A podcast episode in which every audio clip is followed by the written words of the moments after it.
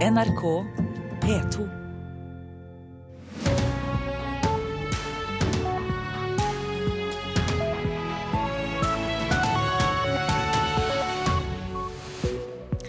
Velkommen til Nyhetsmorgen. Klokka er 6.30. I studio nå Anne Jetlund Hansen, og dette er hovedsakene våre den neste halvtimen. Belgisk politi tror ikke det er noen sammenheng mellom de to som ble drept i en antiterroraksjon i Belgia i går kveld, og terroristene i Paris. På Filippinene innrømmer myndighetene at de har ryddet gatene for tiggere og gatebarn før paven kommer på besøk. Og de siste to månedene så har ingen mistet livet i trafikken i verken Oslo, Akershus, Hedmark, Oppland eller Østfold. Det er rekord i nyere tid. Og Kjell Seim i Statens vegvesen krysser fingrene for at dette varer lengst mulig. Nå puster ut hver kveld jeg ikke har hørt om en ny fatal ulykke. og Vi håper at dette holder lengst mulig. De to belgiske fremmedkrigerne som ble drept av politiet i går kveld, kom tilbake fra Syria for en uke siden, ifølge belgisk politi. Det er foreløpig ingenting som tyder på at det er noen direkte forbindelse mellom dem og angrepet i Frankrike i forrige uke. Politiet skal ha fulgt gruppen den siste uken og slo til i går, da et større terrorangrep var nær forestående, ifølge politikilder. Det skal ha vært politiet selv som var mål for den planlagte terroraksjonen, men jødiske skoler i Brussel og Antwerpen holder stengt i dag, da også disse nevnes som mulige mål. I mai i fjor ble fire mennesker drept da en terrorist angrep det jødiske museet i hovedstaden. Et spécifique. Toutefois, compte de la situation, nous pouvons euh, considérer qu'il est utile d'élever le niveau de prudence et de vigilance. Ça signifie concrètement. Belgias statsminister Charles Michel sier at sikkerhetsnivået i Belgia er høynet etter aksjonen, selv om det ikke er ventet flere terroraksjoner. Politiet slo til mot det de kaller et dusin steder i går, og terroristene skal ha begynt å skyte med en gang. Ingen, verken politi eller sivile, ble såret, utover de to terroristene som ble drept. Og det sa utenriksmedarbeider Joar Hoel Larsen.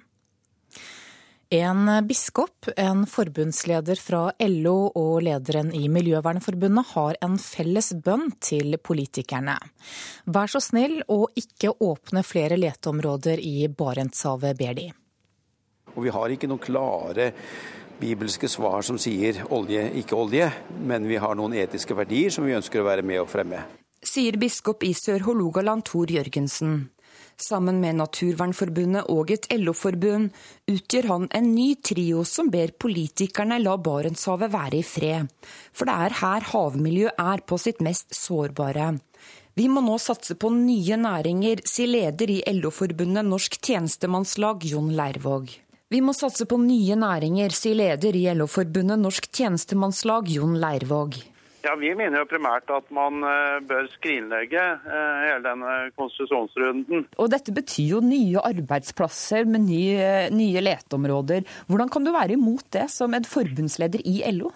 Nei, det er klart Jeg har fokus på arbeidsplasser, men jeg mener vi nå må begynne omstillingen. Det spørs om trioen blir bønnhørt. For etter det NRK erfarer, vil olje- og energiministeren allerede i neste uke varsle at han går inn for å åpne nye store leteområder for olje og gass i Barentshavet, også de som er langs den såkalte iskanten. Vi forventer at Venstre og KrF setter foten ned i Stortinget, sier Lars Haltbrekken, leder i Naturvernforbundet.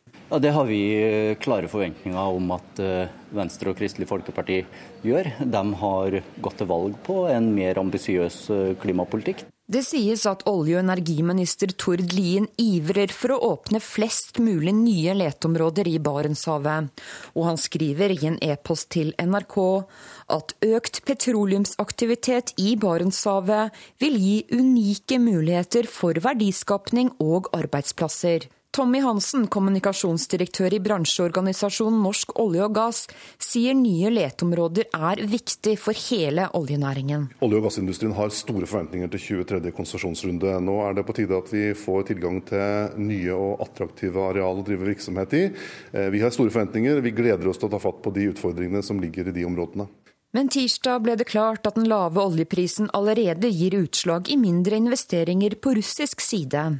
En stor base rett nord for Murmansk er lagt på is, og dagens oljepris på rundt 50 dollar fatet gjør at ingen av olje- og gassfeltene i Barentshavet er lønnsomme per i dag. Statoil har så langt mislyktes med å gjøre noe særlig funn her. Brønn etter brønn etter brønn har de boret, men noe funn av betydning er det dårlig med. Biskop Jørgensen sier det er et stemningsskifte på gang i Nord-Norge, også i næringslivet. Så til og med i Nordland, der hvor jeg eh, regjerer, da, har jo NHO-direktøren gått ut med en måte å tenke på som sier at vi må ikke bli så oljeavhengige som det vi har vært når det gjelder næringslivet i vårt område.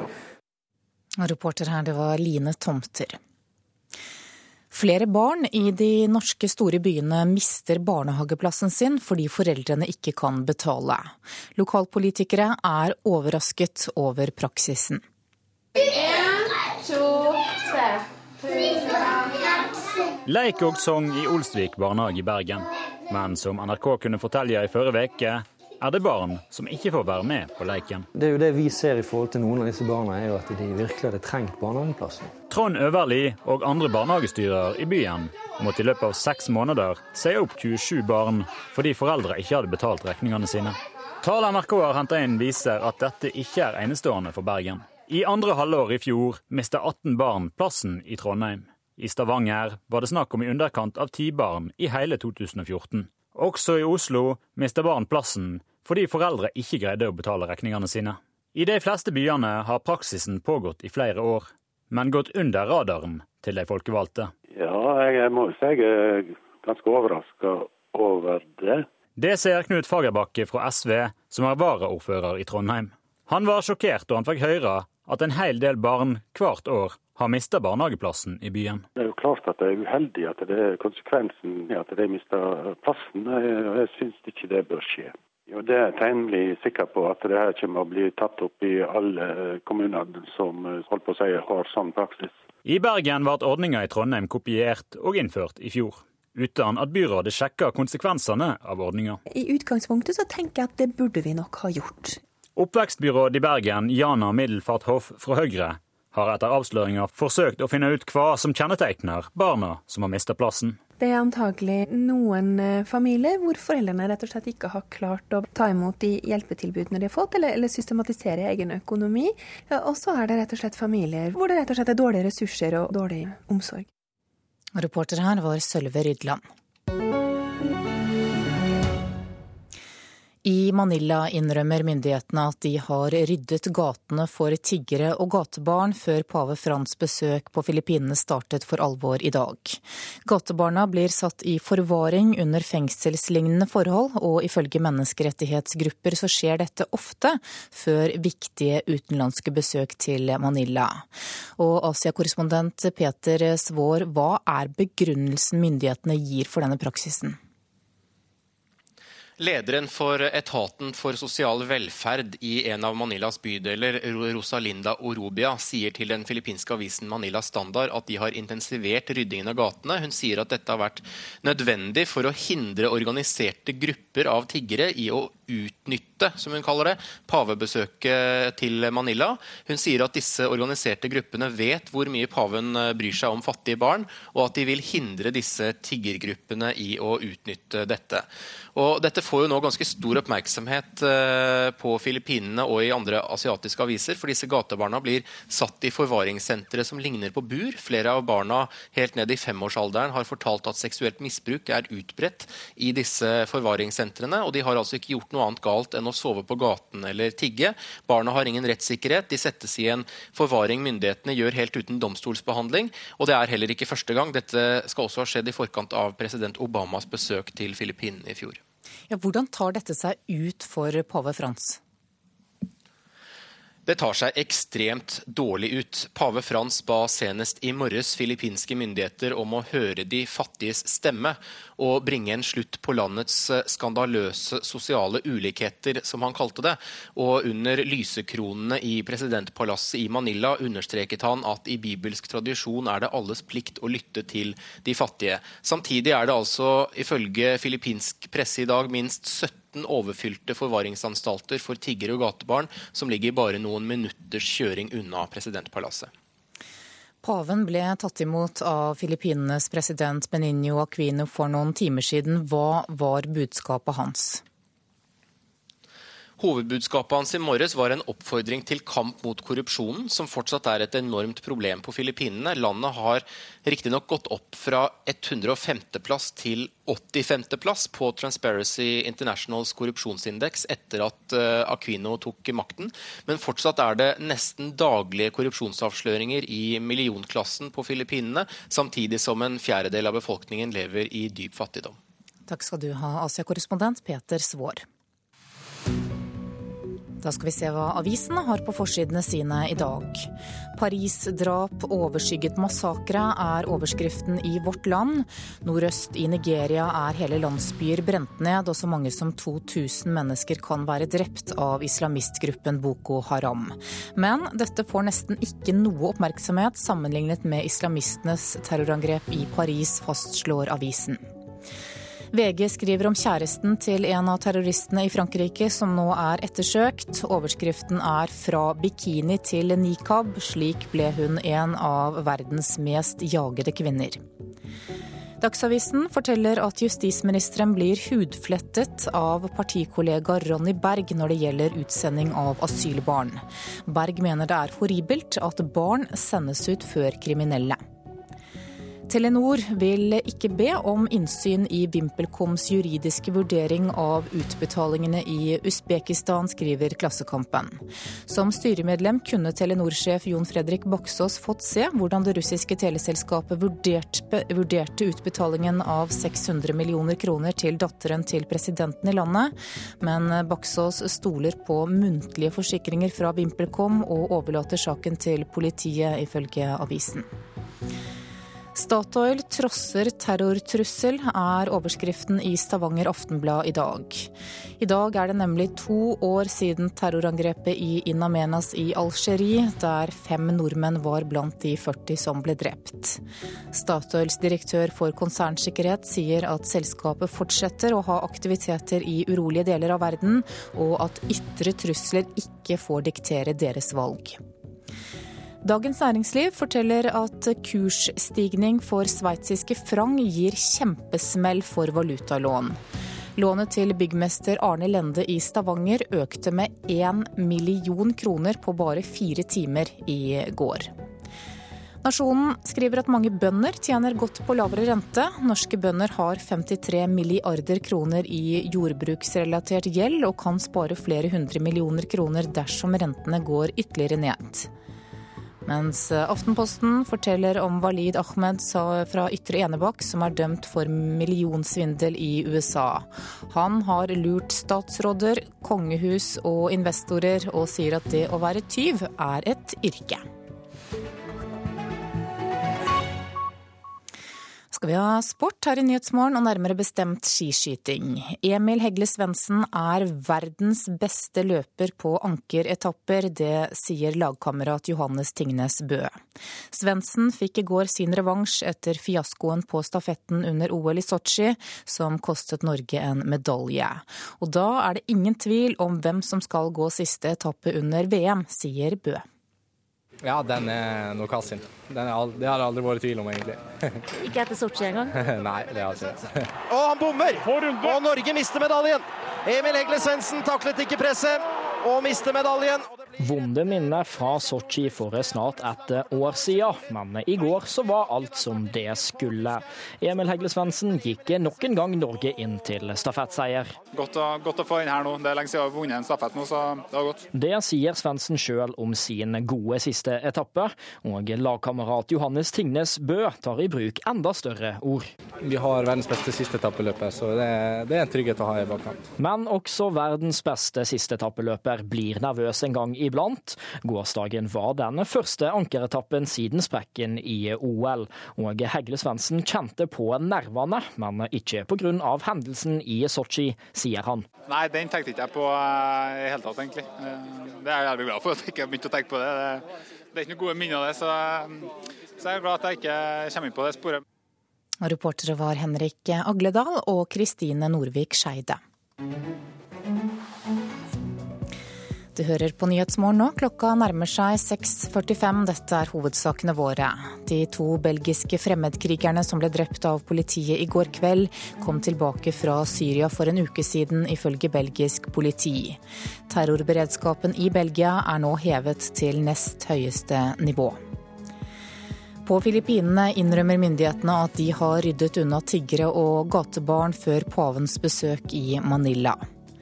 Og følg oss videre. Helsesøstre ser flere undervektige barn nå, mens tallet på overvektige på barnetrinnet har gått ned.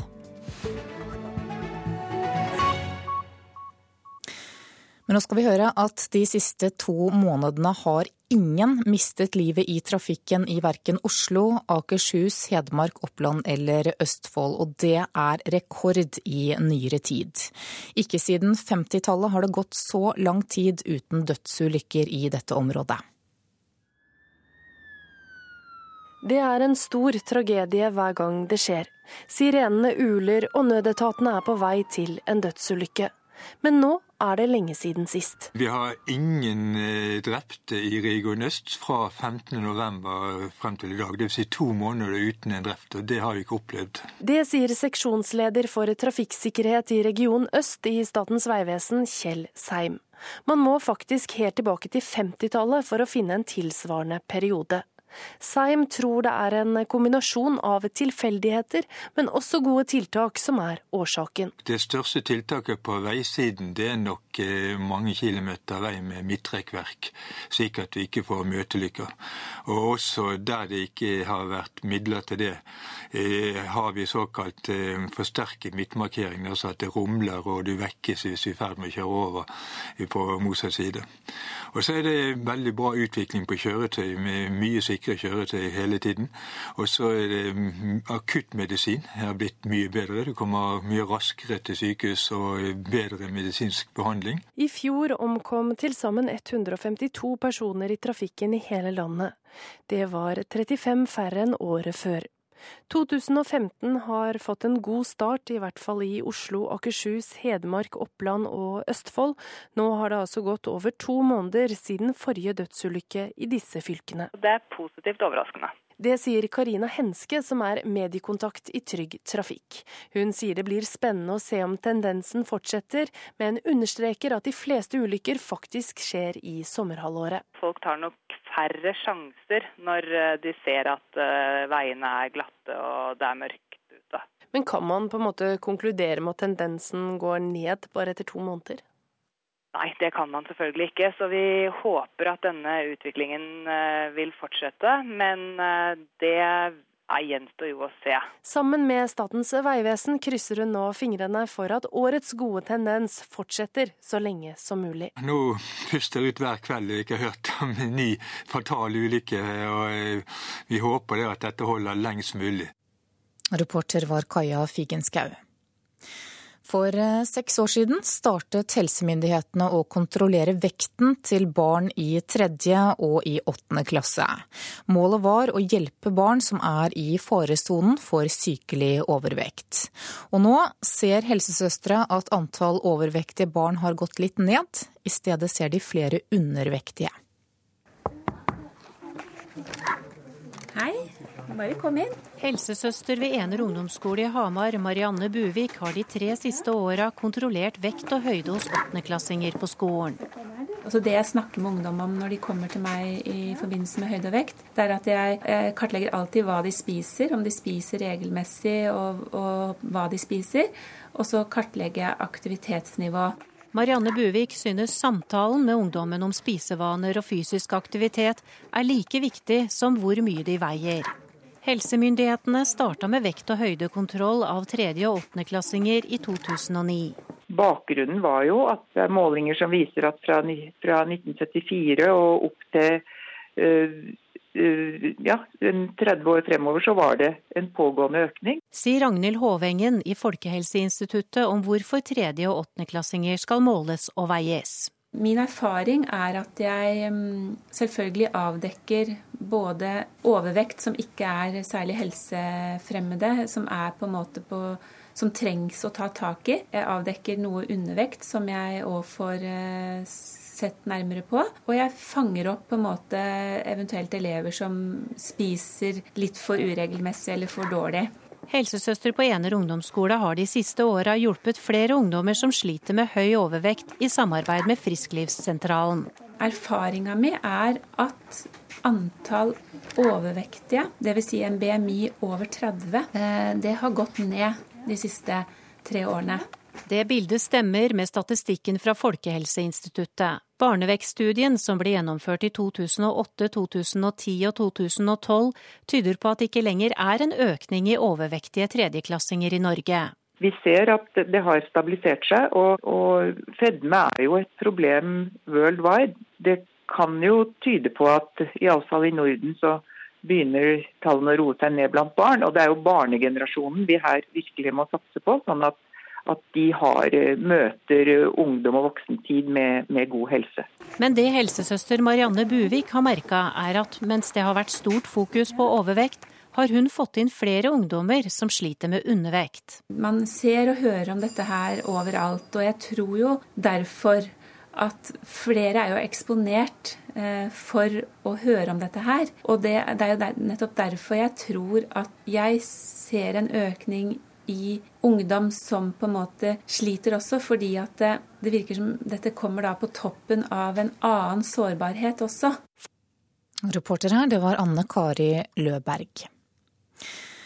Bare en femdel av inntektene fra musikksalg i Norge kommer fra norske artister. Det viser nye tall fra plateselskapenes organisasjon IFPI, som legges frem senere i dag.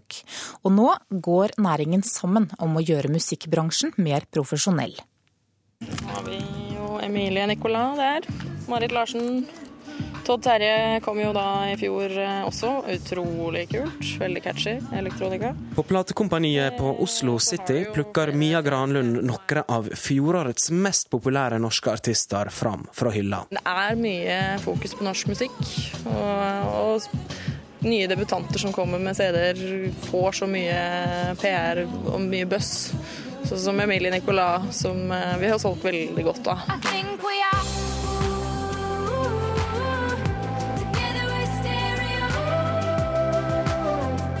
Emilie Nicolas' album 'Like I'm a Warrior' er bare ett av ei lang rekke kritikerroste norske album fra 2014.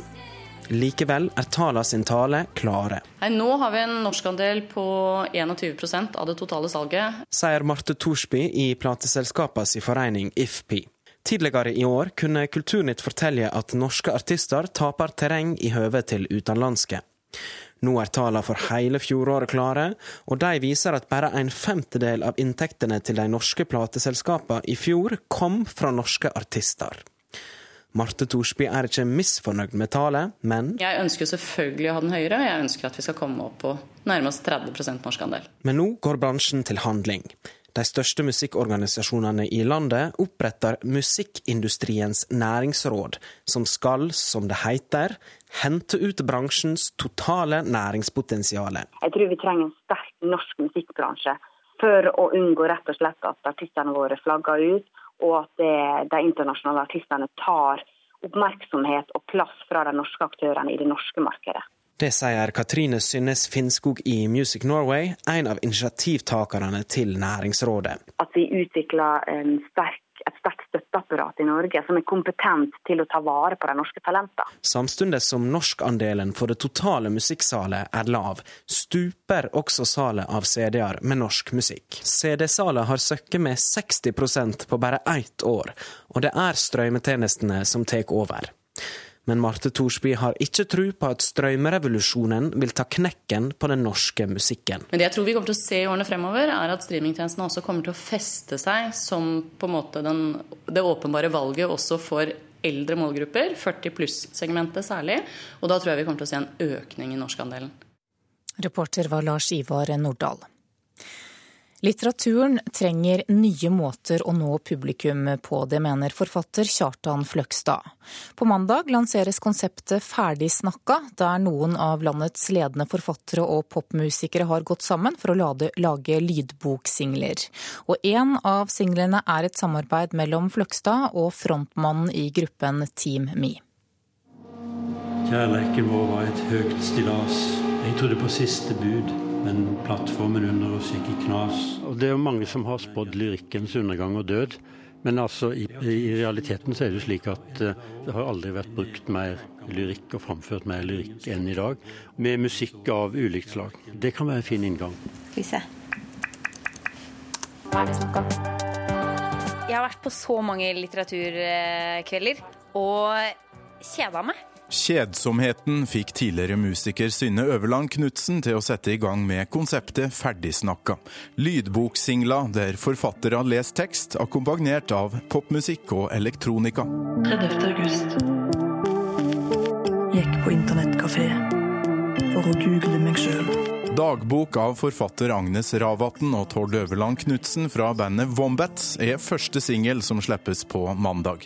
Etter det kommer det ut én singel i uka fram til juli. Redaktøren håper å treffe et ungt publikum som fra før liker å ha podkast og lignende på øret. Å eh, åpne opp litteraturen den veien mot eh, unge folk som hører på musikk, og som, på, som kan høre liksom favorittmusikerne sine lydlegge, sånn som Kjartan Frøgstad eller Per Peterson. Du kan sitte på bussen eh, på vei til jobb og høre en femminutters eh, singel? Ja, jeg er jo i den situasjonen at jeg ser på de som sitter på bussen med, med hodetelefoner og lurer på hva i all verden. Jeg har tusen tårer hver enda år. Kjartan Fløgstad er ikke noe tilhenger av å høre på ting på bussen, men skal man først gjøre det, kan man like godt høre på lyrikk, mener veteranen. Han merker for tida en endring i forlagsbransjen med inntoget av digitale løsninger, og tror litteraturen trenger nye publiseringsverktøy. Det er oppbruddstid i i forlagsbransjen. Så ja, her er vi kanskje med på en måte å mm, bryte ut på. En mann som foreleser om russisk formalisme, mens han gir deg vaginalmassasje. Det er gjort spede forsøk før på å blande musikk og litteratur, men det har eh, ikke som jeg vet, blitt gjort med i popmusikken. Jeg tror at poesien kan leve godt sammen med popmusikk. Den kan leve sammen med rock. Og jeg ser virkelig en framtid for lyrikken i den retning. Ingen har elsket deg ømmere enn jeg. Reporter her var Torkil Thorsvik. Da skal vi se på et værvarsel som gjelder til midnatt. Fjellet i Sør-Norge kan vente seg sørvestlig kuling utsatte steder. Perioder med liten storm utsatte steder i sør. Snøbyger og flest byger i vestlige områder. Østlandet og Telemark på kysten sterk kuling, kan hende liten storm. Noen regnbyger, snø i indre og høyereliggende strøk. Fra i ettermiddag gradvis avtagende vind og etter hvert opphold og lettere skydekke. Agder på kysten periodevis sterk kuling, kortvarig liten storm. I kveld dreiende vestlig og minkende. Regnbyger, snø i høyere strøk og mest nedbør i vest. Det er også mulighet for torden i vestlige områder første del av dagen. Rogaland og Hordaland sørlig sterk kuling. Fra i formiddag vestlig liten og kan hende full storm utsatte steder. Først i Rogaland, i kveld minkende til stiv kuling. Regn og haglbyger, lokal torden og nedbør som snø over 500 meter, i kveld over 200 meter. Sogn og Fjordane kan vente seg sørøstlig sterk kuling utsatte steder i dag. I kveld dreining til sørvestlig liten storm i sør. Regn og haglbyger, lokal torden og nedbør som snø over 500 meter. I kveld over 200 meter. Møre og Romsdal etter hvert regn og regnbyger kan hende med torden, vesentlig på Sunnmøre. Nedbør som snø over 400 meter. Trøndelag sørøstlig liten kuling utsatte steder og stort sett opphold. Nordland enkelte snøbyger i Lofoten og Salten, ellers stort sett oppholdsvær.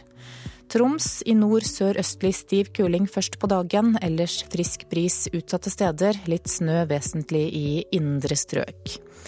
Finnmark lengst vest stiv kuling, i kveld minkende. Litt snø først i vest. Og på Nordensjøland på Spitsbergen fra i ettermiddag liten kuling, delvis skyet oppholdsvær. Så tar vi med temperaturene som ble målt klokka fire. Da hadde Svalbard lufthavn minus 14 grader, Kirkenes minus 9. Vardø minus 6, Alta minus 10. Tromsø minus 7. Bodø 0. Brønnøysund 1. Trondheim 5. Molde 3. Bergen 4, Stavanger eh, 6, Kristiansand 5, Gardermoen 0, Lillehammer 1, Røros minus 2 og på Oslo-Blindern så var det 1 plussgrad da klokka var fire i morges.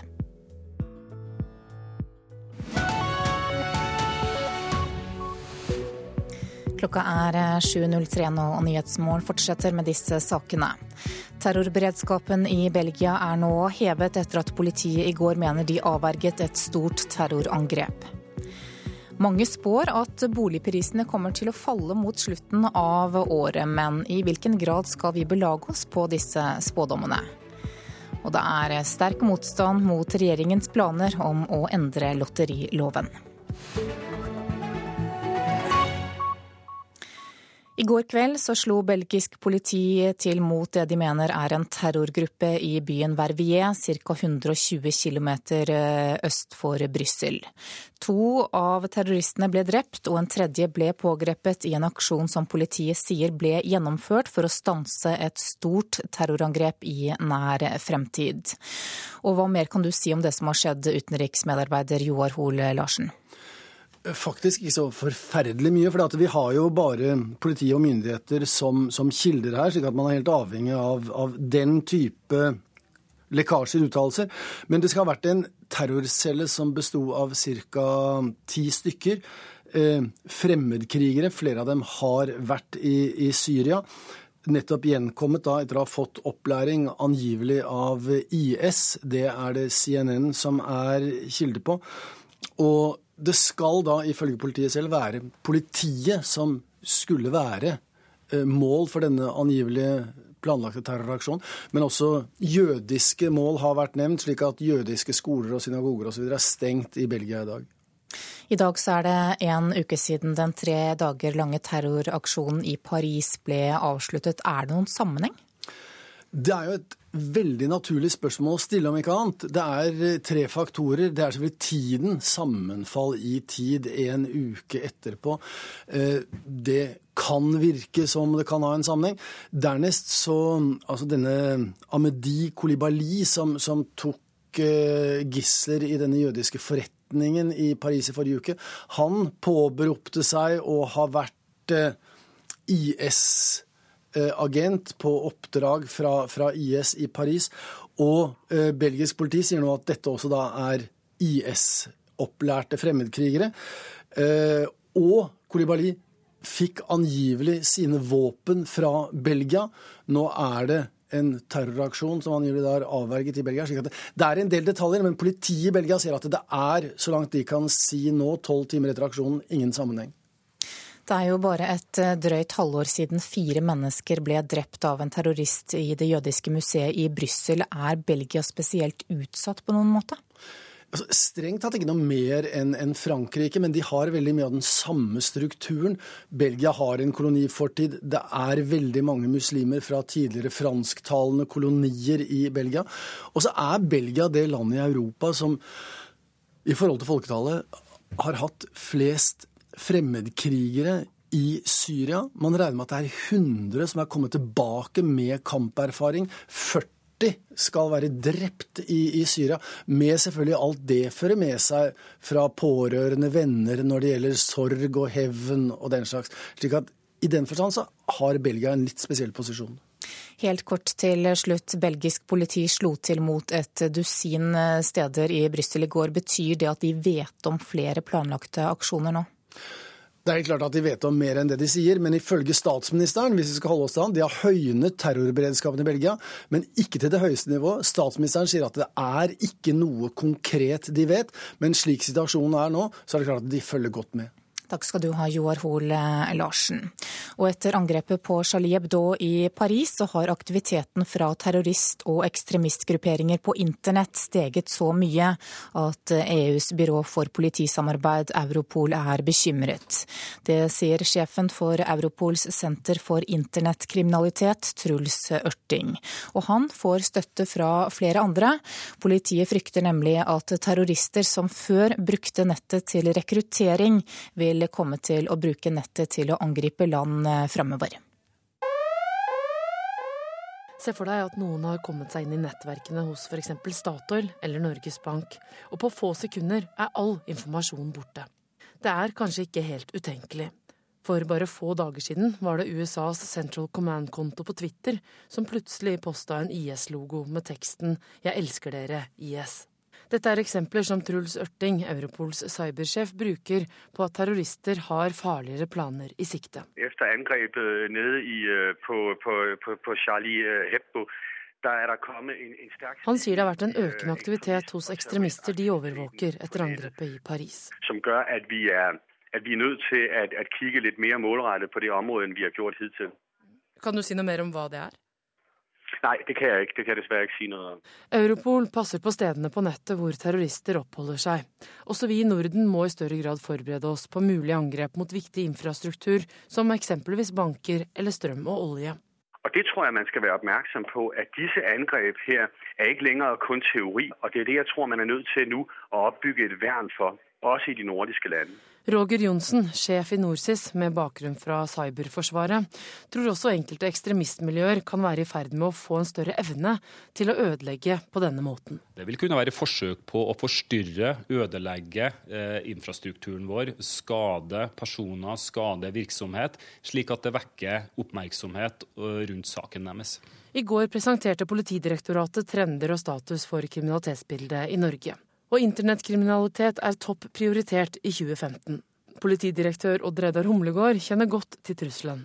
Det jo også, har jo også grensesnitt mot PST sitt eh, ansvarsområde, naturligvis. Men det er de samme grepene som må gjøres. Det er den samme kompetansen og teknologiunderstøttelsen og kapasitetene vi trenger om vi skal forebygge eh, nær sagt det ene eller det andre. Det gjelder å komme seg fra den verden vi er kjent med, til å opptre mer profesjonelt og mer kompetent i den digitale verden. Og Roger Johnsen i NorSIS sier det er mange grunner til at Norge også kan være et mål. Det kan vi være. Vi har et stort internasjonalt engasjement. Vi har mange eh, multinasjonale selskaper. Eh, og oppmerksomheten rundt Norge er stor internasjonalt, så vi kan ikke se bort ifra det, nei. Reportere her var Ellen Borge Christoffersen og Alexander Nordby. Flere mener at det går mot fall i boligprisene etter sommeren. Svak oljepris vil gi kraftigst prisfall på Vestlandet, spår ekspertene. Men på gata i Bergen så tror de fleste at boligprisene kommer til å stige. De vil stige litt fortsatt. Jeg tror ikke de kommer til å gå ned. Jeg håper jo at de har nådd toppen. Personlig tror jeg det bare vil bli eh, dyrere og dyrere. Jeg ser ikke for meg at boblen kommer til å sprekke veldig snart. Men bergenserne bør ikke være altfor optimistiske, sier sjeføkonom Harald Magnus Andreassen i Svedbank. Vi har lagt til grunn økning i boligprisene første halvår som følge av rentekuttene. Og så etter hvert eh, utflating og nedgang mot slutten av, året, slutten av 2015 som følge av økt arbeidsledighet. Oljeprisfallet vil selvsagt forsterke det. Og det vil merkes i hele vår økonomi, og selvsagt spesielt på vestlandskysten, som har hatt en stor kunde som nå vil komme til å etterspørre mindre enn tidligere. Også storinvestor Jens Ultveit Mo mener oljeprisfallet særlig vil ramme boligeierne i vest. Når den største industrien vi har faller investeringene med 30% vil det slå klart ut på boligprisene. Vestlandet, Bergen, eh, Stavanger vil ha sterkt fall i boligprisene. Vi har en av verdens store boligbobler. Og det er godt mulig Norge har en boligboble, mener den verdensledende økonomiprofessoren Jeffrey Sachs. The danger of very low interest rates is, of course, credit bubbles, real estate bubbles, and so on. Faren med lave renter er nettopp bolig- og kredittbobler. Den faren blir ikke mindre for en olje- og gassdrevet økonomi som den norske. For oljeprisene faller dramatisk nå, sa Sachs da NRK møtte ham forrige uke.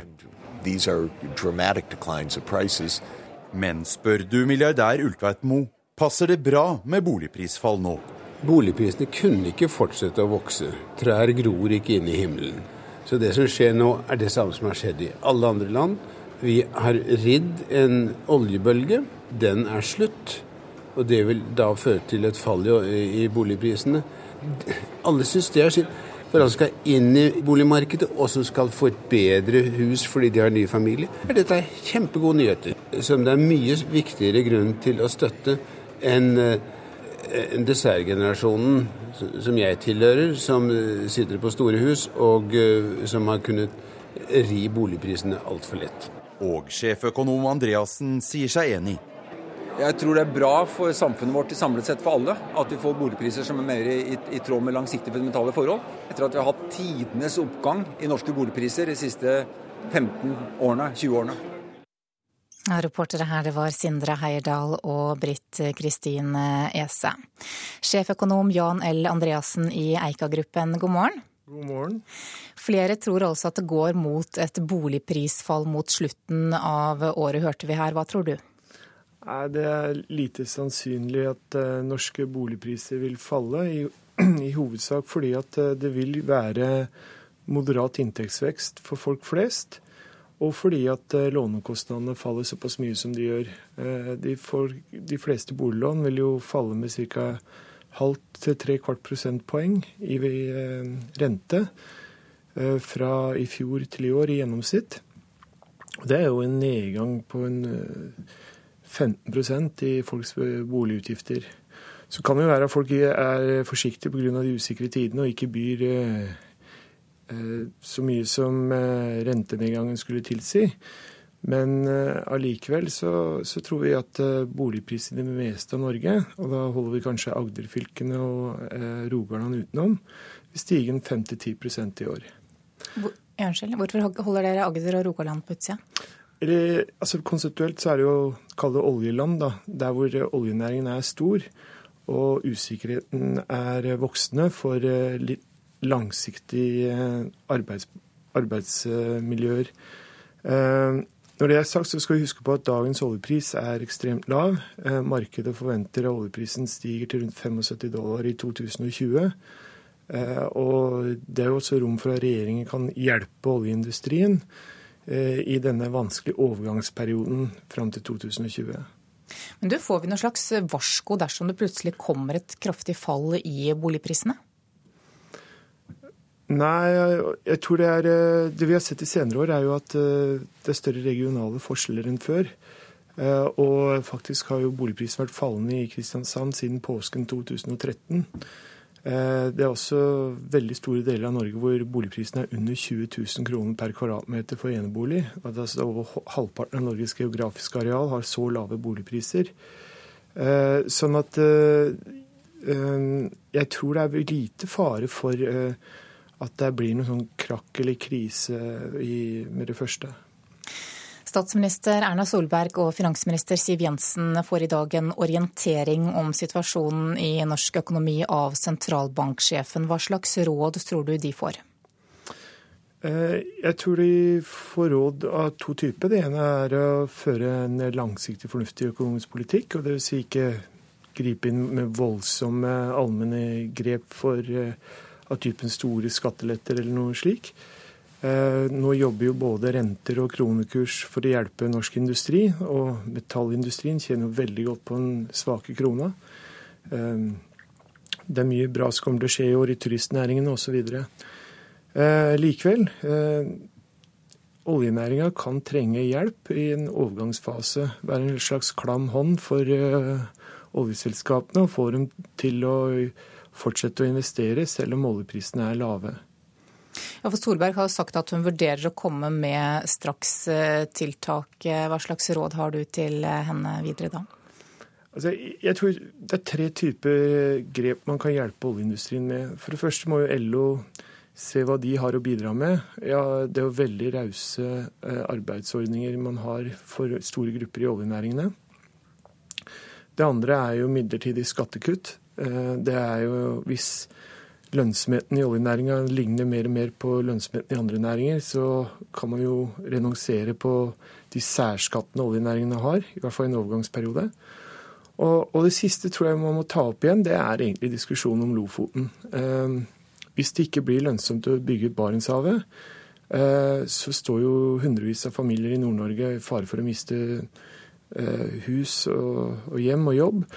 Og eh, det kan jo hvis man eh, ikke borer der torsk er i eh, Barentshavet, kanskje man kunne bore der hvor torsken er i Lofoten.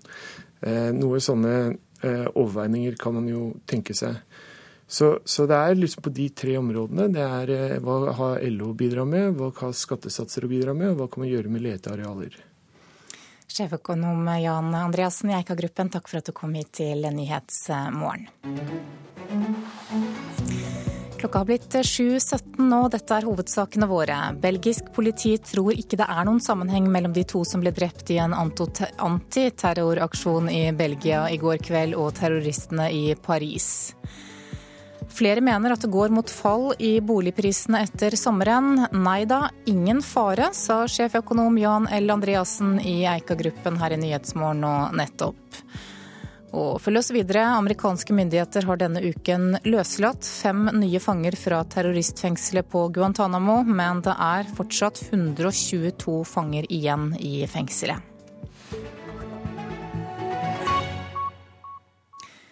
I går hørte vi at eh, utenlandske spillselskaper neppe kommer inn på det norske spillmarkedet med det første.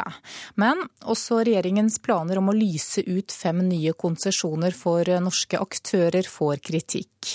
Både fra idretten, som frykter at de skal få mindre, og fra organisasjonene, som kjemper om å få de fem nye lisensene. Fem ukers. 200. Fem ukers eller ei vekes, mandag til søndag. Norsk Tipping sine maskiner svelger kuponger og spyr ut penger til norsk kultur, helse og idrett. Det er disse pengene ikke minst idretten er redd for å få mindre av når nye aktører får drive lotteri i konkurranse med Norsk Tipping. Regjeringa har sagt at det skal verne Norsk Tippings enerett på landsdekkende store lotteri. Men generalsekretær Inge Andersen i Norges idrettsforbund frykter det verste. Og så er vi da litt forundret at de allikevel beveger seg i et eh, grenseland gjennom at de ønsker å gi konsesjoner til eh, flere lotterier med ganske stor eh, omsetning, som vil kannibalisere på overskuddet til Norsk Tipping. Det Andersen kaller ganske stor omsetning, kaller Nina Jensen småpenger. Hun er generalsekretær i WWF, Verdens naturfond, en av elleve organisasjoner som står bak Postkodelotteriet. Dette lotteriet er ikke oppe og står ennå, men skulle gjerne hatt en av de fem lisensene som skal lyses ut. Men med et omsetningstak på 300 millioner kroner er det nesten uro å få dette til å gå rundt, sier hun. Altså for det første, det koster mye penger å etablere et landsdekkende lotteri. Eh, men det hele, hele poenget med å starte dette opp, er jo å gi penger til viktige formål. Eh, og Hvis man da har et så lavt omsetningstak, så blir det altså ikke noe penger igjen til å dele ut til disse eh, gode og viktige formålene. Men Nina Jensen og Postkodelotteriet sine andre internasjonale medlemmer møter motstand hos andre store norske aktører også. Generalsekretær Åsne Havnelid i Norges Røde Kors mener at bare organisasjoner som driver utstrekt frivillig arbeid i Norge, skal kunne søke konsesjon. Det gjøres masse godt arbeid av en rekke organisasjoner internasjonalt, som vi også samarbeider med der. Men det er viktig at Kulturdepartementet forvalter frivillighet og frivillige organisasjoner. Og vi er opptatt av at vi kan styrke frivillige organisasjoner i Norge. Både gjennom Norsk Tipping, men også at det nå åpnes for fem konsesjoner i det nye lotteriet. Snevert, mener Nina Jensen i WWF. Det er jo interessant at de sier. Jeg vil jo tro at man eh, faktisk i en økende globalisert verden også ser viktigheten av at vi i Norge bidrar til kanskje noe av de viktigste og vanskeligste problemstillingene verden står ovenfor. Vi ønsker ikke å ta penger fra frivilligheten i Norge, men vi ønsker å øke potten. Reporter her, det var Bjørn Atle Gildestad. Ingjerd Mehn Lorvik ved Borgestadklinikken i Skien, god morgen. God morgen. Du er psykologspesialist ved det som altså er Blå Kors spesialisthelsevirksomhet for rus- og avhengighetsproblematikk, og dermed også spillavhengighet.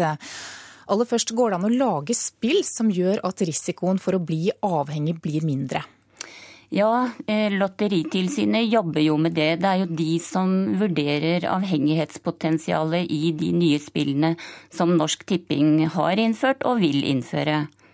Hvilke former for spill er det som gjør at folk blir eh, mer avhengige, da? Ja, Det er de som er lett tilgjengelige, de som gir, har rask eh, Altså hvor, hvor, tiden er veldig kort mellom innsats og, og enten tap eller premie. Eh, og vi har jo sett at det har skyllet en flodbølge innover Norge med nye pengespill. Og det er jo selvfølgelig da min bekymring, og organisasjoner som jeg samarbeider med sin bekymring. Ja, Hva er dere mest bekymret for? vi er bekymret for hvor lett tilgjengelig pengespill har blitt, og hvor mye fokus det har blitt på det å vinne penger. De aller fleste som deltar i pengespill, de taper jo pengene sine. De vinner ikke. De vinner bitte småpremier, sånn at de skal holdes i gang som spillere. Men inntektene sikrer jo penger til en, god, en, del gode formål, da? Ja, det er det. Og det er jo de som har aller dårligst råd til det, som spiller mest. Og det er jo det er jo et tankekors å sitte og høre på organisasjonene bare være opptatt av seg selv og hvor mye penger de skal kunne melke ut av den norske befolkningen.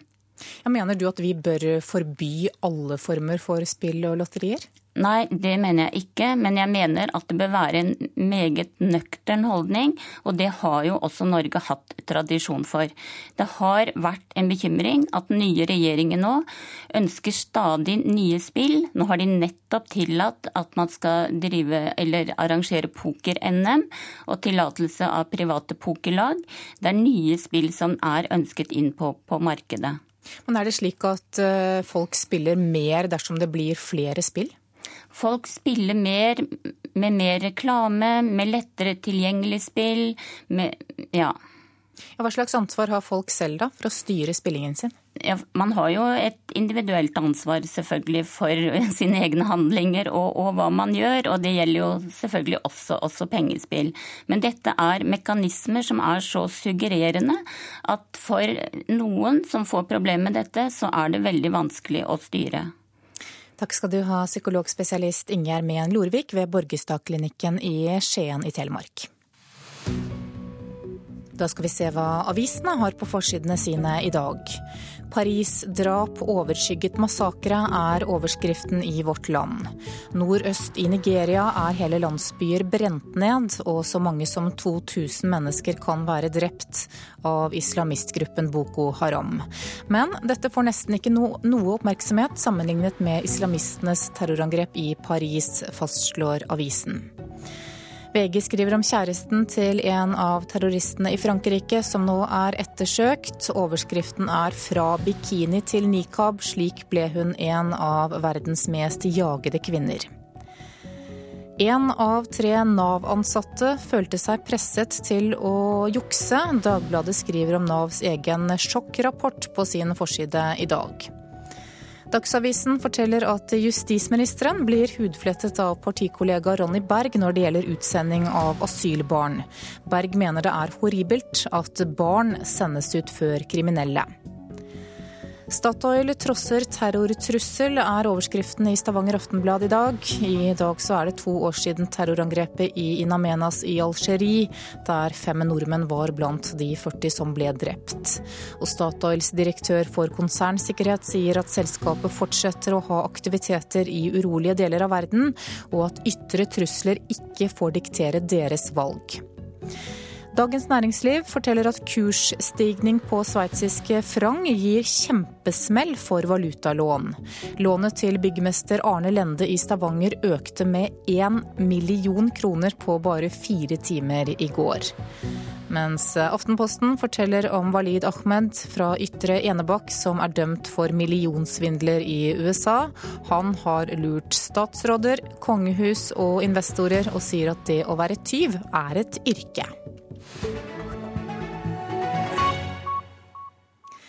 Amerikanske myndigheter har denne uken løslatt fem nye fanger fra terroristfengselet Guantánamo på Cuba. Fire av dem ble sendt til Oman, mens den siste er i Estland. Men det er fremdeles 122 fanger igjen i dette fengselet som president Barack Obama i 2009 lovte at skulle bli stengt i løpet av ett år. The process whereby Guantánamo will be closed uh, no later than one year from now.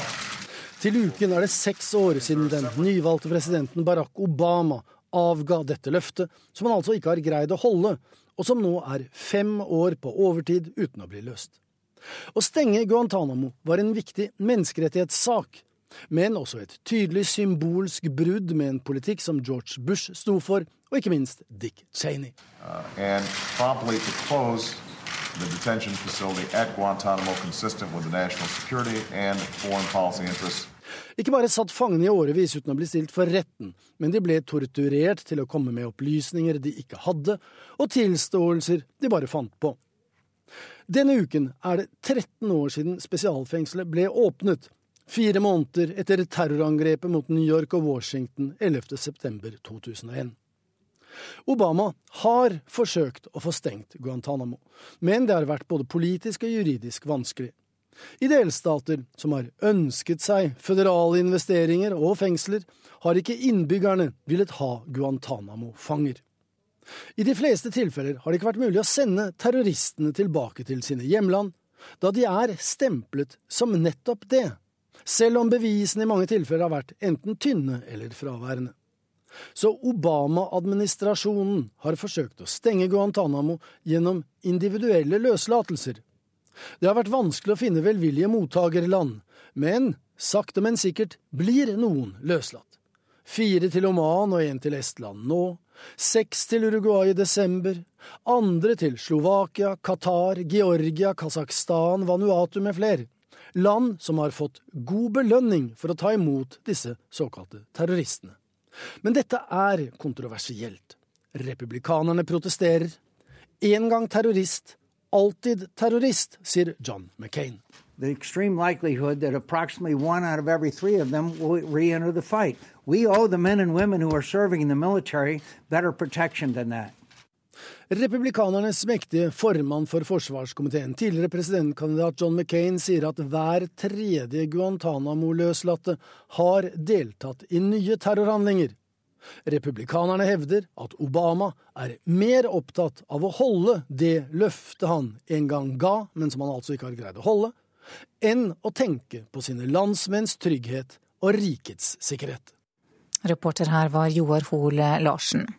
Produsent for Nyhetsmorgen i dag, det er Ingvild Rysdal, og her i studio Anne Jetlund Hansen.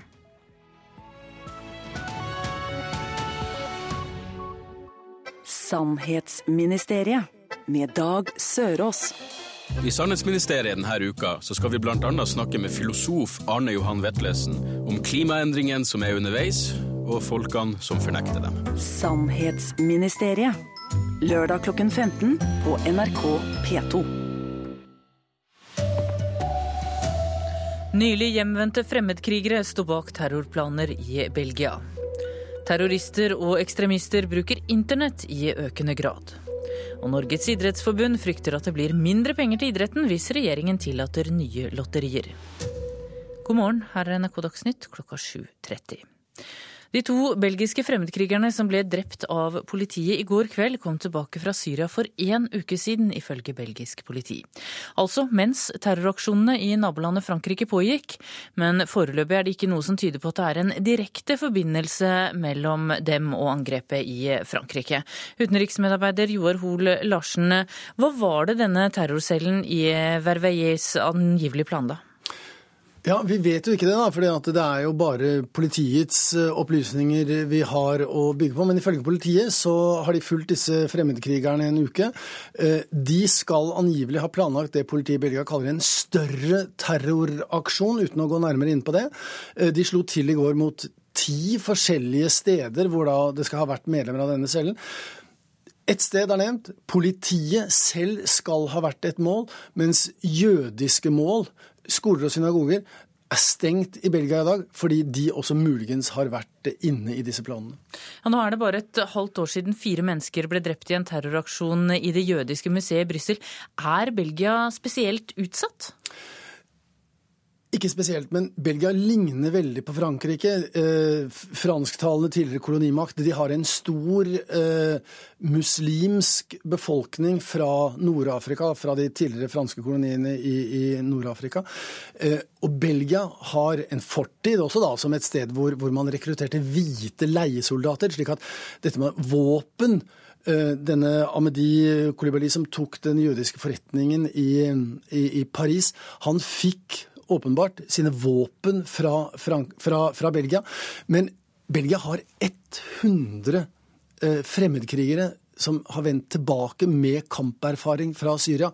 Det er spesielt. Det er mer enn noe annet land i Europa i forhold til befolkningen. Takk skal du ha, Joar Hoel Larsen. Og Europol frykter at terrorister og ekstremister i økende grad bruker internett i forbindelse med terroraksjoner. Europol har registrert en økende aktivitet hos grupperinger de overvåker etter angrepene i Frankrike.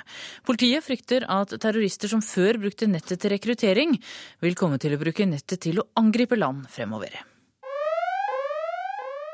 Se for deg at noen har kommet seg inn i nettverkene hos f.eks. Statoil eller Norges Bank, og på få sekunder er all informasjon borte. Dette er eksempler som Truls Ørting, Europols cybersjef, bruker på at terrorister har farligere planer i sikte. Etter angrepet nede i, øh, på, på, på, på Charlie øh, Hebdo han sier det har vært en økende aktivitet hos ekstremister de overvåker etter angrepet i Paris. Som gjør at vi er at vi er nødt til at, at kigge litt mer målrettet på det området enn vi har gjort hittil. Kan du si noe mer om hva det er? Nei, det kan jeg ikke. Det kan jeg dessverre ikke si noe om. Europol passer på stedene på nettet hvor terrorister oppholder seg. Også vi i Norden må i større grad forberede oss på mulige angrep mot viktig infrastruktur, som eksempelvis banker eller strøm og olje. Og Det tror jeg man skal være oppmerksom på, at disse angrep her er ikke lenger kun teori. Roger Johnsen, sjef i NorSIS med bakgrunn fra cyberforsvaret, tror også enkelte ekstremistmiljøer kan være i ferd med å få en større evne til å ødelegge på denne måten. Det vil kunne være forsøk på å forstyrre eh, infrastrukturen vår, skade personer, skade virksomhet, slik at det vekker oppmerksomhet eh, rundt saken deres. Reportere her Ellen Borge Christoffersen og Alexander Nordby. Det går mot boligprisfall etter sommeren. Fallet blir kraftigst på Vestlandet, tror ekspertene. Men på gata i Bergen tror folk at boligprisene skal stige enda mer. De vil stige litt grann, fortsatt. Jeg tror ikke de kommer til å gå ned. Jeg håper jo at de har nådd toppen. Personlig tror jeg det bare vil bli dyrere og dyrere. Jeg ser ikke for meg at boblen kommer til å sprekke veldig snart. Men bergenserne bør ikke være altfor optimistiske, sier sjeføkonom Harald Magnus Andreassen i Svedbank. Vi har lagt til grunn økning i boligprisene første halvår som følge av rentekuttene. Og så etter hvert eh, utflating og nedgang mot slutten av, år, slutten av 2015 som følge av økt arbeidsledighet. Oljeprisfallet vil selvsagt forsterke det.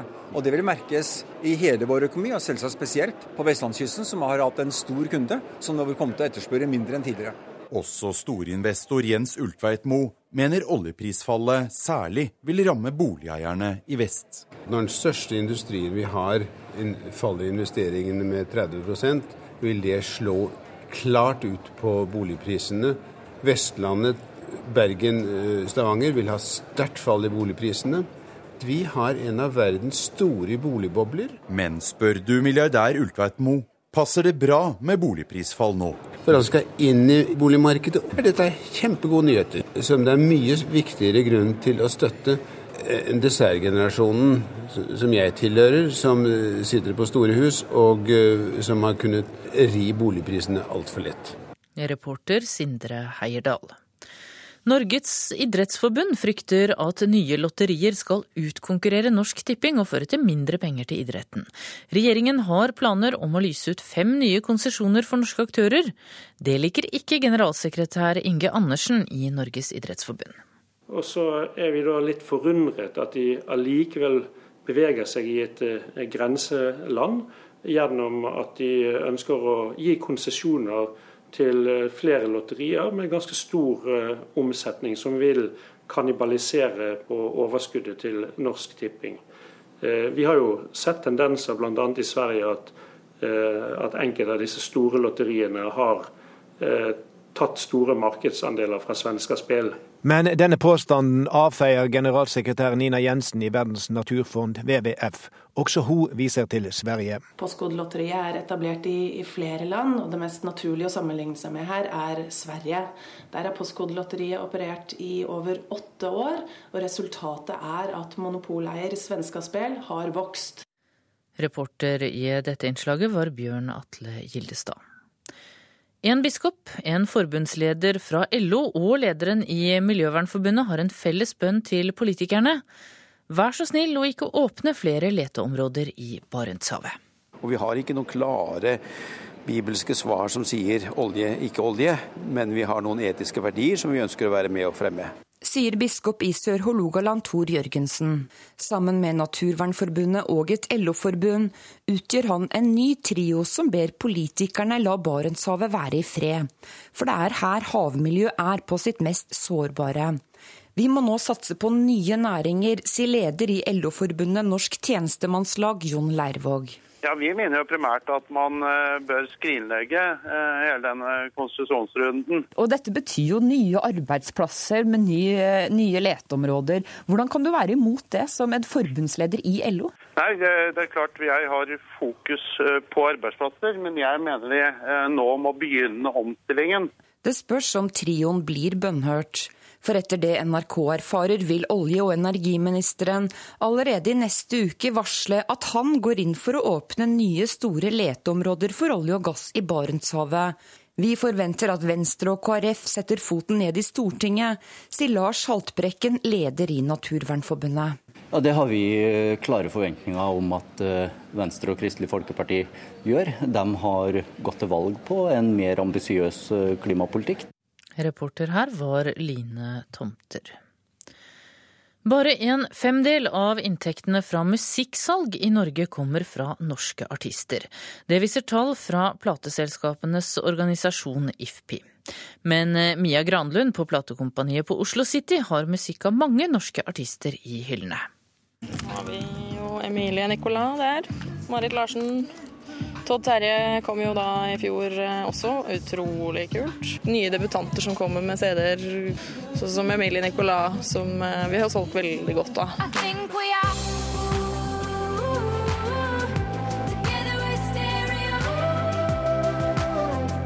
Emilie Nicolas' album 'Like I'm a Warrior' er bare ett av ei lang rekke kritikerroste norske album fra 2014. Likevel er tallene sin tale klare. Nei, nå har vi en norskandel på 21% av det totale salget. Sier Marte Thorsby i plateselskapets forening IFPI. Marte Thorsby er ikke misfornøyd med tallet, men Jeg ønsker selvfølgelig å ha den høyere. Jeg ønsker at vi skal komme opp på nærmest 30% norskandel. Men nå går bransjen til handling. De største musikkorganisasjonene i landet oppretter Musikkindustriens næringsråd, som skal, som det heter, hente ut bransjens totale næringspotensial.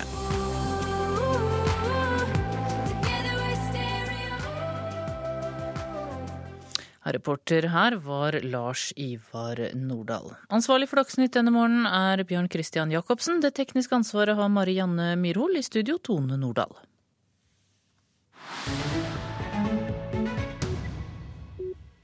Klokka er 7.40, eh, og i Nyhetsmorgen nå skal vi til eh, Tyrkia. For der har påtalemyndigheten startet etterforskning av avisen Jumhuriyet. Det skjer etter at avisen på onsdag publiserte utdrag fra det franske satiremagasinet Charlie Hebdos siste nummer. Tyrkias statsminister mener pressefriheten ikke åpner for krenkelser, og avisen er nå mistenkt for å egge til offentlig hat. Gud er stor, roper en gruppe demonstranter i Istanbul. I protest mot at den tyrkiske avisen Jumhuriyet onsdag publiserte et knippe karikaturer fra det siste nummeret av det franske satiremagasinet Charlie Hebdo. Profeten er vår røde linje. Islam har en forståelse for forherligelse av alle profeter i alle religioner. De gjorde dette under dekke av pressefrihet og ytringsfrihet, men det var ikke i god tro. Det ble gjort for å krenke, og det har pågått i årevis, sier Sumeya Okal opprørt. Jumhuriyet, som betyr republikken, er en opposisjonell avis. Den har et tydelig sekulært ståsted og er meget kritisk til regjeringen, som er kjent for å slå hardt ned på opposisjonelle og journalister i landet. Onsdag publiserte Jomoriet et eget bilag i solidaritet med ofrene i Paris. Over fire sider trykket i karikaturer der bl.a. terrorister fra Boko Haram i Nigeria og IS i Syria latterliggjøres. Den kontroversielle forsiden av Charlie Hebdo, som viser en gråtende profet, ble derimot ikke gjengitt i bilaget, men publisert i frimerkestørrelse, i sort-hvitt, for å illustrere to kommentarartikler. Nå er avisen mistenkt for å egge til offentlig hat, og påtalemyndigheten har startet etterforskning. Vi kan ikke tillate fornærmelser av profeten. Pressefrihet betyr ikke frihet til å krenke, sier Tyrkias statsminister. Han får støtte av en av dem som tegnerne også driver gjøn med i avisen, katolikkenes pave Frans. Du kan ikke gjøre narr av religion. Hver religion har verdighet, og det finnes grenser innen ytringsfrihet, sier paven. Men han påpeker samtidig at både religionsfrihet og ytringsfrihet er fundamentale menneskerettigheter. Men i Tyrkia i dag er det ingen selvfølge. Og hvor grensen går, har lite med religion å gjøre. Myndighetene kritiseres for å forfølge redaktører, forleggere, poeter, skribenter, kunstnere og journalister landet rundt i et forsøk på å kneble all kritikk. Den internasjonale føderasjonen for journalister er blant de mange organisasjonene som for lengst har ropt varsku. Før jul gikk politiet igjen til aksjon mot en rekke journalister i Tyrkia. I går var det tema i Europaparlamentet i Strasbourg. Som tema Meinungsfreiheit in der Türkei, jüngste Festnahmen von Journalisten und führenden Medienvertretern Parlamentet vedtok å fordømme behandlingen av journalister og redaktører i landet, og det systematiske presset mot pressefriheten i Tyrkia i en egen resolusjon. Og reporter her, det var Charlotte Bergløf. Klokka nærmer seg 7.44. Du lytter til Nyhetsmorgen. Dette er hovedsakene våre. Belgisk politi tror ikke det er noen sammenheng mellom de to som ble drept i en antiterroraksjon i Belgia i går kveld, og terroristene i Paris. Terrorberedskapen i Belgia er nå hevet til nest høyeste nivå, og det er krisemøter nå på morgenen. Mange eksperter mener at det går mot fall i boligprisen etter sommeren. Svak oljepris vil gi kraftigst prisfall på Vestlandet, spår ekspertene. Men sjeføkonom Jan Andreassen i Eika-gruppen går mot strømmen. Litt tidligere i Nyhetsmorgen i dag så sa han at han ikke tror det blir noe fall i boligprisene. Norges idrettsforbund frykter at det blir mindre penger til idretten dersom regjeringen tillater nye lotterier. Og i Manila så innrømmer myndighetene at de har ryddet gatene for tiggere og gatebarn før paven kommer på besøk i dag. Klokka er straks 7.45. Du skal få Politisk kvarter ved programleder Bjørn Myklebust.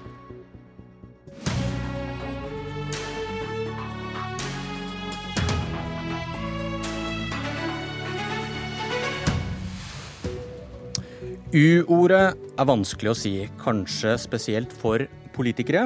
Siv Jensen har blitt bedt om å si unnskyld etter at det ble klart at mulla Krekar ikke sperres inne. Og hun ber selv Jonas Gahr Støre si unnskyld for å ha vært uklar om ytringsfriheten. Jeg ser på dem, men tviler sterkt på om noen av dem kommer til å si det. Noen vil kanskje si at ikke det er det viktigste, men Siv Jensen, leder i Fremskrittspartiet og finansminister, god morgen. God morgen. Hvor stor er sjansen for at du kommer til å si unnskyld til noen i dag? Jeg kan i hvert fall si at jeg ikke er tilfreds med den løsningen som nå foreligger. og Derfor jobber jo regjeringen videre med å finne enda bedre løsninger knyttet til både Krekar, men også det faktum at vi nå har en enda mer krevende situasjon å forholde oss til. Eh, vi har en pågående debatt om hva vi skal gjøre i forhold til hjemvendte syriafarere, som selvfølgelig også bidrar til å representere et økende sikkerhetsproblem i det norske samfunn. Mulla Krekar blir ikke kastet ut av Norge nå, og han blir ikke sperret inne. Mens du flere ganger har sagt at dere vil sette han i forvaring hvis dere fikk makt. Og hva syns du selv om de uttalelsene i dag? Jeg står ved de. Eh, forvaringsløsningen som Fremskrittspartiet foreslo i Stortinget i 2007, ble nedstemt. Det var bare Fremskrittspartiet som eh, støttet det forslaget. Men selv etter 2007 så har du gjentatt det, at vi skal sette han i forvaring? Gjentatt, selv om du da vet at det ikke er flertall? Jeg har gjentatt ved flere anledninger at vi vil jobbe det vi kan for å skape trygghet i det norske samfunn mot mennesker som kan utgjøre en fare for rikets sikkerhet. Det ligger fast. Da koker det ned da... til at dere ikke prioriterte å få endret loven i forhandlingen med de borgerlige partiene? Da? Nei, vi har jobbet Dere kunne ha stått på hardere, kanskje? Vi har jobbet ganske intenst for å finne gode løsninger på et uløst problem. Og den instruksen som nå er lagt frem, er altså strengere og sterkere tiltak. Men kjempet vi, dere for det i forhandlingene med de borgerlige, var spørsmålet? Ja, Vi har jo også jobbet frem løsninger for en strammere asyl- og innvandringspolitikk, som er et viktig bidrag i denne sammenheng. Vi har jobbet frem en lang rekke tiltak på justisområdet eh, som vil bidra til å øke tryggheten og sikkerheten i det norske samfunnet. Så her jobber vi jo på bred front. Du må huske på at regjeringen har jo igangsatt en lang rekke tiltak, eh, også knyttet til mennesker som eh, har norsk statsborgerskap, men som utgjør en fare. Bl.a. fordi vi nå holder på å utrede muligheten for å fjerne statsborgerskap i gitte situasjoner. Men jeg har lyst til å understreke at målet om å sende Krekar ut av Norge, det ligger fast. Og regjeringen jobber videre med å finne bedre løsninger, fordi vi ikke er tilfreds med situasjonen. Løsningen dere nå har landet på, ut av byen med meldeplikt, stemplet du som maktesløshet da de rød-grønne innførte muligheten for det. Hva syns du selv om de uttalelsen i dag? Jeg mener at eh, isolert så er ikke meldeplikt et godt nok svar. Og det er jo derfor det er viktig at vi nå kombinerer tre tiltak. Det ene er meldeplikt. Det andre er eh, pålagt bosted. Og det tredje er begrenset geografisk eh, avgrensning. Men dette var maktesløst er, når du var i opposisjon. Nei, mener du fremdeles det er dekkende? Nei, det er tre tiltak som bidrar til at politiet kan ha kontroll på en, eh, på en person som vi ikke ønsker skal vandre fritt. Det er en helt uhørt situasjon at mennesker som utgjør en fare for rikets sikkerhet, skal ha full frihet i det norske samfunn. Det vil ikke skje med den instruksen som nå er sendt. Eh, Men var det ikke det samme du kalte maktesløst Nei, før, da? Nei, det var det ikke, fordi det var begrenset til spørsmålet om meldeplikt. Men jeg erkjenner at Fremskrittspartiet vil gå lenger. Vi ønsket en forvaringsløsning, men det er det altså ikke flertall for i Stortinget. Skulle det være slik at det flertallet endrer seg, så vil jeg være den første til å applaudere det, men det er altså ikke situasjonen i dag. Eh, og da må vi gjøre det beste ut av situasjonen, og det har regjeringen nå lagt frem. Men jeg understreker, vi jobber videre med å finne enda bedre løsninger. Og det overordnede målet ligger fast, nemlig at han skal ut av landet når forholdene i Irak ligger til rette for det. Ved siden av seg sitter Jonas Gahr Støre. Hvordan syns du kritikken av hans regjering står seg i dag? Jeg mener at all den kritikken Fremskrittspartiet har lagt frem over tid, har vært helt nødvendig. Fordi vi har vært nødt til å styrke tiltakene med mennesker som utgjør en fare for rikets sikkerhet. Eh, og folk kan jo være helt trygge på at det engasjementet Fremskrittspartiet hadde i opposisjon, det har vi med oss inn i regjering. Og det er derfor vi nå har satt fullt trøkk eh, på alle virkemidler og tiltak i justispolitikken, fordi vi ønsker å gjøre det norske samfunn tryggere. Leder i Arbeiderpartiet, Jonas Gahr Støre. Burde Jensen sagt unnskyld til noen? Nei, altså jeg synes at i et debatt hvor vi har ytringsfrihet, så skal man ikke drive og unnskylde for det man har sagt og ment. Men hun kan jo kanskje være noe mer ydmyk i forhold til hva hun har stått for i denne saken. Jeg husker sommeren 2009, det var før et valg. Så var det en amerikansk reportasje fra Norge om at mulla Krekar gikk fri. Og Siv Jensen lot seg intervjue inne i stortingssalen, utenfor stortingssesjonen. Eh, om hvor uholdbart det var. Hun sa at eh, hun var i ytterste konsekvens villig til å bryte menneskerettighetene for å hevet han ut, og vi ble hudflettet. Jeg var den som skulle forsvare regjeringens posisjon. Og den var det at Krekar skal på første fly ut når vi kan være sikre på at han ikke går rett i dødsstraff eller tortur. Sånn er det å være bundet av menneskerettighetene. Man kan ikke være litt for dem, man må være helt for dem. Man må være helt mot dødsstraff, ikke litt mot dødsstraff. Og Dette var jo en sak som de gnaget og gnaget på år for år. Eh, og jeg erkjenner at nå har de altså kommet i regjering eh, på dette området. Eh, den andre kontrasten er jo bompenger. Det er en fredelig sak. Så må de pent parkere alle de løftene. Velgerne får jo tenke hva de mener om den type retorikk de førte. Men jeg syns jo det er en form for bra ting da, at vi er enige om det at denne mannen skal ut så fort det lar seg gjøre, men at det er noen forpliktelser Norge har som faktisk det koster å stå ved. Eh, og da erkjenner jeg det. det. Det kunne være nysgjerrig på å spørre Siv Jensen om, det er jo hvor hardt har hun stått på for det som programlederen tok opp? Eh, hun sier at de kjemper i alle kanaler for å få Krekar tilbake til Irak. I går fikk vi høre at eh, en statssekretær i Justisdepartementet har hatt ett møte med den irakiske ambassadøren i Oslo. Vi hadde statssekretærer på besøk i Irak for å sjekke om det var mulig å få sendt han fritt hjem. Så det står seg jo ikke helt det de sier. Og, jeg vil gjerne spørre Siv Jensen, hadde hun hatt dette flertallet i regjeringen, hadde han da vært på et fly ut? Eller er det, er det, Høyre som har fått dere til å se at dere ikke kan gjøre det? Eller er det en erkjennelse i regjering av justisminister og visestatsminister at det går ikke? Jeg håper det er det siste, for det tyder på at vi da følger internasjonale bestemmelser, som Norge bør gjøre. Ja, min, eh, Mitt krav om at han skal settes på første ply når forholdene ligger til rette for det i Irak, ligger jo fast. Det er vi enige om. Ja, og Derfor så er jo ikke det en selvmotsigelse. Jeg mener faktisk at mulla Krekar skal sendes ut av Norge så fort forholdene i Irak ligger til eh, Så fort forholdene i Irak ligger til rette for det. Og jeg har sagt flere ganger, også i opposisjon, at vi sender altså ikke mennesker eh, til den sikre død. Det er begrunnelsen for at han ikke kan sendes ut av landet enda. Og det er derfor det er viktig at vi har tiltak i Norge som sikrer det norske samfunn mot farlige personer. Så er det selvfølgelig sånn at alle er enige om at uh, menneskerettighetene skal ivaretas. Men det er også et faktum at det nå pågår viktige diskusjoner i mange land rundt omkring i den vestlige verden, og hvor man leter etter tiltak og virkemidler fordi vi har fått en ny sikkerhetspolitisk situasjon. Dessverre er jo situasjonen den at forholdene i Irak ikke har blitt bedre, de har blitt verre. Og det skyldes bl.a. Eh, fremveksten av eh, fremmedkrigere som knytter seg til Den islamske stat, og som slåss eh, mot alle de grunnleggende verdiene vi setter så høyt, og som utgjør nå en stor sikkerhetsrisiko for alle oss som bor i fredelige demokratier. Større. Jeg er helt enig. Men nå snakker vi om en helt, helt annen sak. Vi kan snakke om den internasjonale situasjonen. Det var terror i Belgia i går. Det er en alvorlig sikkerhetssituasjon. Her har vi en diskusjon i Stortinget med regjeringen for å støtte regjeringen for at den kan ta vare på sikkerheten. Eh, og det skal vi alle stå sammen om. Men her er det én isolert sak som har vært en symbolsak for Fremskrittspartiet gjennom flere år. Men jeg, jeg, har valgt å si det at uh, det er bra. Uh, vi er altså enige om at han bør ut på første fly når det er mulig. Men det setter uttalelsene fra Fremskrittspartiet, hamringen på de som hadde ansvaret før, uh, i en spesiell kontrast, når de nå for det første er veldig passive, etter min mening, for å finne løsninger i Irak. Altså, de kan ikke utvise og dokumentere at de har stått noe særlig på.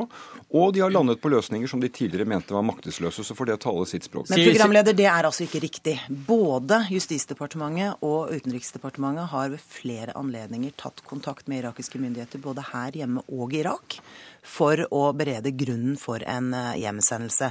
Men det er altså slik at irakiske myndigheter nå har litt andre spørsmål å bale med, bl.a. knyttet til fremveksten av eh, IS i deres område. Men våre ambisjoner ligger fast, og vi akter å opprettholde okay. tett og nær kontakt med irakiske myndigheter for å få det til. At vi er passive, det er ikke riktig. Det tiltaket som justisministeren presenterte for to dager siden, er det strengeste som noensinne har vært effektuert i Norge.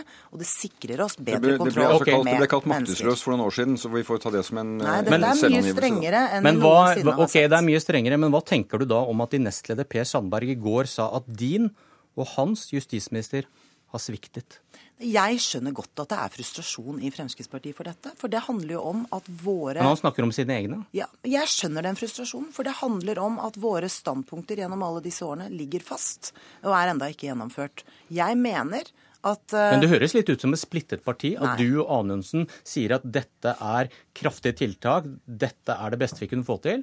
Så sitter Per Sandberg og sier at dere har sviktet. Dere Nei. har ikke undersøkt mulighetene godt nok, sa han på TV i går. Jeg åpnet eh, denne diskusjonen med å si at vi ikke er tilfreds med situasjonen. Det vi nå har lagt frem, eh, er det første mulige vi klarte å gjøre i forhold til løslatelsen av Krekar på kort sikt. Vi jobber jo selvsagt videre for å se på om det er mulig å komme opp med flere og bedre løsninger i påvente av en fremtidig uttransportering. Ok, det kom ikke noe u-ord. Men hvorfor mener du fortsatt at Støre bør si unnskyld for det han har sagt om blasfemi og ytringsfrihet? Ja, For det første så mener jeg det er opp til Støre å vurdere hva han vil eh, unnskylde eller ikke unnskylde. Det jeg har kritisert, er uklarheten knyttet til eh, ytringsfrihet. Som fremdeles mener, er der? Ja, og jeg mener at Støre var uklar rundt dette spørsmålet da han var utenriksminister i 2006. Og vi hadde utfordringer knyttet til karikaturtegningene her hjemme. Eh, og vi har de samme utfordringene rundt de uttalelsene han kommer med nå, fordi han skaper uklarhet om eh, man er villig til å forsvare alle de både heldige og mer krevende sidene av en komplett ytringsfrihet. Og det er jeg. Jeg mener at ytringsfrihet det handler om eh, at vi skal tåle å høre ytringer og synspunkter som vi ikke nødvendigvis er enig i eller liker.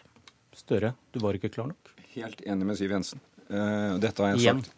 Ja, men ikke sant? Det, det er noe med at jeg tenker Siv Jensen er visestatsminister. Her er det bred enighet i Stortinget. Vi har fjernet blasfemiparagrafen. Vi er enighet om ytringsfriheten, om de viktige prinsippene. Eh, nå burde vi stå sammen om dem, ikke lage en liten strid om ord. Jeg skal gå inn i den etterpå, men stå sammen om det og si det at dette forsvarer vi i Norge. Vi har den ytringsfriheten til å kunne håndtere meningsmangfold i Norge. Og vi kan på en måte vende oss mot de som driver terror mot de som tegner, terror mot de som mener annerledes. Men hva har du sagt som får henne til å tvile? Nei, altså Jeg har jo da sagt at jeg vil gjerne begynne forsvaret av ytringsfriheten om å snakke om ytringsfriheten. I forrige uke ble vi presset fra mange hold om å stå opp og si at det viktigste var retten til å drive blasfemi. Og da vil jeg begynne en annen ende med å si at hvis du bruker ytringsfrihet i Norge, så har du rett til å komme med ytringer som også kan oppfattes krenkende. De kan oppfattes blasfemiske. Det er lov, og jeg står selvfølgelig opp rundt loven. Men jeg mener at blasfemi er en liten del av det, og jeg syns ikke det er det første vi skal ta tak i. Religionskritikk er det veldig viktig å drive. Ytringsfriheten er en forutsetning for religionsfrihet, og vi bruker den også til å drive religionskritikk. Men det er mye mer enn blasfemi. Og jeg syns i disse dager så har jeg valgt å vektlegge at ytringsfriheten, er den brede retten vi har Og la meg minne om en ting til. Forrige tiår så ryddet vi opp i norsk straffelov. For uh, ti år siden så var uh, Siv Jensens parti skrev i Stortinget at det å krenke religioner ikke var forenlig med ytringsfriheten. Så har vi blitt enige etter hvert om at uh, ytringsfriheten den skal omfatte også slike ytringer. Blasfemiparagrafen er fjernet. Det står vi sammen om. Og da tenker jeg at det å, Du sto på Dagsrevyen og sa at jeg måtte be om unnskyldning for dette. Det er en dårlig praktisering av ytringsfriheten. Vi må tåle å høre ting vi Men, men Siv Jensen, Siv Jensen, hva er det i det Jonas Gahr Støre nå sier som du er uenig i? Problemet er at han etter eh, diskusjonen som har oppstått i kjølvannet av Paris, har skapt uklarhet om han er villig til å forsvare ytringsfriheten i sin sentale form. Du skaper uklarhet. Og det, nei, og jeg skjønner at du gjerne vil snu dette mot meg, Støre. Sannheten er den at mange har kritisert din uklarhet, ikke minst Vebjørn Selbekk, som ble rammet av din uklarhet tilbake i 2006. Han har jo vært en av de fremste kritikerne. Men det har fordi... han vel vært i nærheten av å si uordet for? Har han ikke det, da? Vel, jeg har ikke opplevd det, men det, det, er, altså, det mener jeg ikke er det viktige. Det viktige her er å være helt krystallklar på hva ytringsfrihet innebærer. Det innebærer at vi skal tillate diskusjoner, samtaler, synspunkter og meninger som vi ikke nødvendigvis liker selv. Eh, også blasfemi. Og det kan selvfølgelig være krevende for den religionen som blir utsatt for det. Men vi må tåle det. Kristne har opplevd og tålt det gjennom alle år. Eh, nå går debatten særlig hett rundt eh, islam. Jeg mener at det også er en diskusjon som muslimer må tåle. Altså, jeg tenker at Vi skal ikke sitte og si at nå skal kristne gi leksjoner til muslimer og begynne den eh, debatten der. Vi er enige om at sterke ytringer de kan også krenke. Men hvis vi er på dette unnskyldningssporet, så vil jeg jo si at altså, Siv Jensen sitter med en justisminister, Anders Anundsen, som har brent aviser som han ikke likte skal hun da ut og si unnskyld for det? Det er sterke meningsytringer, det er lov. Jeg syns ikke det er spesielt vakker praktisering eh, av, av menneskerettigheter. Det vi burde gjøre nå, etter min mening, var å Ja, men ytringsfriheten er en del av menneskerettighetene. Og det å brenne aviser som du ikke liker, og oppfordre til boikott av dem, det er ikke en spesielt stor respekt for meningsmangfoldet, som er viktig eh, rundt ytringsfriheten. Men her er det altså en bred enighet, og det å forsøke å konstruere den uenigheten som Siv Jensen gjør nå, det mener jeg kler dårlig en visestatsminister. Og det var det vi rakk. Takk Jonas Gahr Støre og Siv Jensen. Det var Politisk kvarter. Hør flere podkaster på nrk.no podkast.